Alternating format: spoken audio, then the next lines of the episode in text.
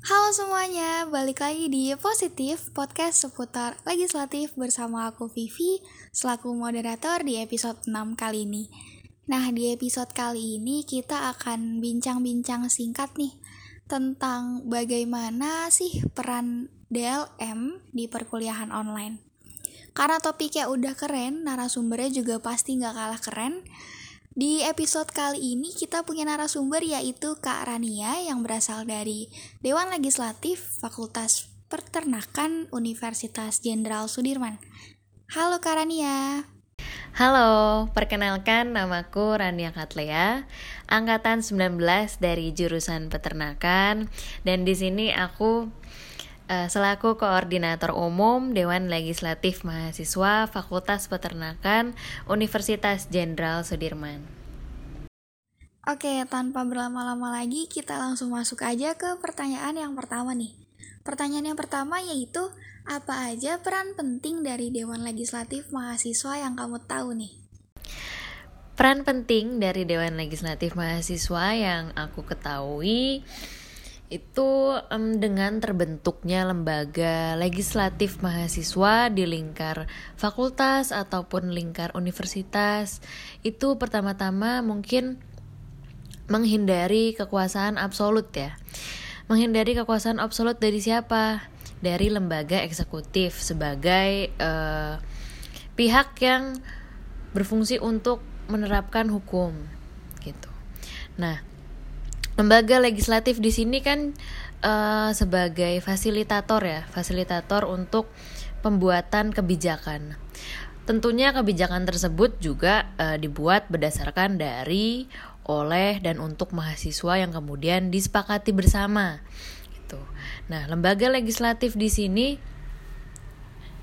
uh, yang mengontrol, mengontrol kesesuaian, check and balance terhadap kebijakan yang sudah disepakati bersama. Lembaga eksekutif yang memang memegang stir koordinasi terhadap lembaga-lembaga mahasiswa lain yang ada di fakultas itu perlu adanya uh, pemantauan dari Dewan Legislatif Mahasiswa atau lembaga sebagai lembaga legislatif sudah sesuai belum dengan kebijakan yang ada. Mungkin seperti itu peran penting dari uh, lembaga legislatif mahasiswa yang aku ketahui. Oh iya, satu lagi ya untuk peran pentingnya lembaga legislatif. Lembaga eksekutif di sini kan uh, lembaga yang istilahnya menjembatani antara birokrat dengan lembaga-lembaga kemahasiswaan yang ada di fakultas. Nah, uh, Jembatan ini, maksudnya jembatan informasi atau transfer informasi di sini perlu adanya yang mensinkronisasi gitu. Nah, lembaga legislatif di sini yang akan menjalankan fungsi check and balance terhadap apa yang uh, informasi yang diberikan oleh birokrat, kemudian disinkronisasi dengan apa yang disampaikan oleh lembaga eksekutif kepada lembaga-lembaga yang ada di fakultas. Mungkin seperti itu untuk uh, peran pentingnya lembaga legislatif. Wah mantep banget ya jawaban dari Karania atas pertanyaan yang pertama tadi. Oke kita langsung aja lanjut ke pertanyaan yang kedua nih. Menurut kamu ada nggak sih perbedaan dari pergerakannya lembaga DLM saat offline dan online? Hmm, perbedaan pergerakan ya lembaga DLM saat offline dan online. Menurutku tentunya pasti ada perbedaan sedikit banyak. Perbedaannya seperti apa? Dari lembaga eksekutifnya sendiri dalam menyelenggarakan uh, berbagai acara juga uh, ada banyak perbedaan konsep dan teknisnya. Nah, kita uh, eh, DLM di sini menyesuaikan ya, menyesuaikan di mana lembaga eksekutif yang menyelenggarakan acara tersebut itu offline atau online. Nah, DLM di sini nggak kehabisan apa ya, kehabisan ide, nggak kehabisan inovasi dalam menjalankan perannya. Dalam menjalankan perannya di sini, DLM bisa melakukan pengawasan langsung maupun tidak langsung.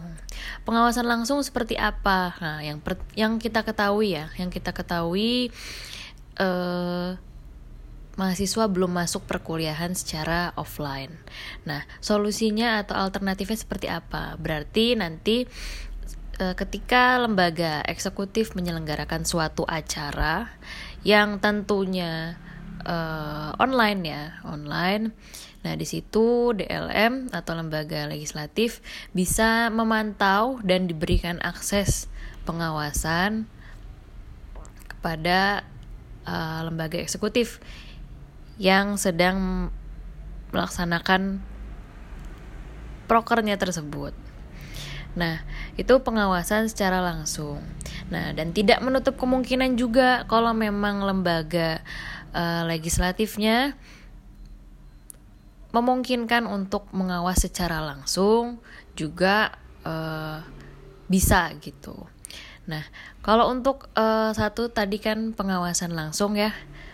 Ini ada lagi pengawasan tidak langsung. Pengawasan tidak langsung seperti apa? Sebenarnya pengawasan tidak langsung ini juga berlaku secara uh, apa namanya ketika perkuliahan secara offline. Dengan apa? Yaitu dengan menyerap uh, apa aspirasi-aspirasi mahasiswa, aspirasi-aspirasi mahasiswa terhadap uh, kinerja BEM selama ini. Jadi kita lembaga legislatif memfasilitasi uh, penghimpunan ya, penghimpunan suara yang kemudian bisa dijadikan evaluasi terhadap pergerakan lembaga eksekutif.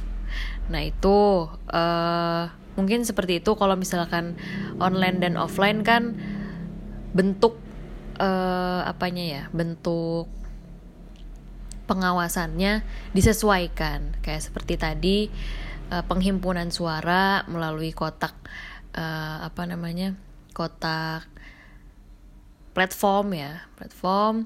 Kalau misalkan secara offline kan sebar sebar cetakan ya sebar cetakan kuesioner.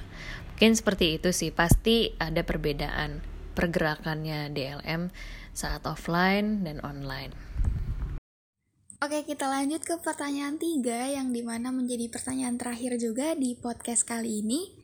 Oke, menurut kamu nih saat dilaksanakannya perkuliahan online seperti ini, apakah DLM bisa tetap menjalankan fungsi dan perannya dengan baik?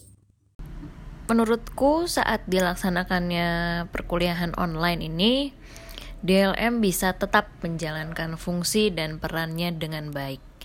Nah, itu tadi ya e, berkaitan dengan apa yang aku sampaikan bahwa uh, e, DLM di sini tidak kehabisan ide atau inovasi dalam menjalankan fungsi dan perannya. Di sini uh, solusi apa sih uh, langkah awal dalam uh, penjalanan fungsi dan peran saat perkuliahan secara online ini? Yaitu adanya standar operasional prosedur atau seperti prosedur tetap atau e, mekanisme yang memang disepakati bersama oleh baik lembaga eksekutif maupun lembaga legislatif di sini ataupun e, menyerap aspirasi mahasiswa secara keseluruhan dalam e, pembentukan prosedur lembaga legislatif untuk mengawasi lembaga eksekutif. Nah, ini nih yang memang sangat krusial sekali. Ketika uh, tidak ada prosedur yang tidak disepakati bersama, pasti uh, fungsi dan perannya bakalan kurang maksimal gitu. Pasti banyak miskomunikasi, banyak eh, hal-hal uh, yang memang seharusnya dari kedua lembaga tersebut, lembaga eksekutif ataupun lembaga legislatif yang seharusnya uh, melakukan atau menjalankan uh, suatu hal tapi uh, kurang maksimal karena adanya karena tidak adanya peraturan yang mengatur begitu mungkin kalau untuk ini ya uh, penjalanan fungsi ke kebermaksimalan peran pada uh, perkuliahan online ini bagi DLM. Oke, karena ketiga pertanyaan sudah dijawab dengan narasumber kita, mungkin dari Karania selaku narasumber ada yang ingin disampaikan atau pesan yang ingin disampaikan kepada teman-teman pendengar podcast. Oke, terima kasih banyak sebelumnya aku ucapkan terhadap DLM MIPA Unsut sudah mengajak diskusi pada DLM Fapet Unsut pada podcast kali ini ya menurutku adanya podcast ini sangat menarik sekali nah terakhir mungkin pesan ya jangan sampai uh, keadaan membatasi kebermaksimalan fungsi dan peran legislator muda mahasiswa Indonesia. Tidak ada yang namanya salah, tapi adanya belum benar. Nah, kata-kata motivasi tersebut uh, saya dapatkan ya selama saya menjadi DLM karena banyaknya kritik dan saran yang masuk itu membuat uh, kita sesama lembaga legislatif bisa terus berevaluasi dalam uh, kebermaksimalan fungsi dan pengabdian kepada mahasiswa secara keseluruhan. Terima kasih. Sebelumnya aku mau mengucapkan terima kasih juga kepada Karania yang sudah berkenan untuk menjadi narasumber di diskusi atau bincang-bincang sedikit kita pada episode kali ini yaitu mengenai bagaimana peran DLM di perkuliahan online. Oke teman-teman pendengar, segitu dulu episode kali ini. Sampai jumpa di episode berikutnya. Dadah!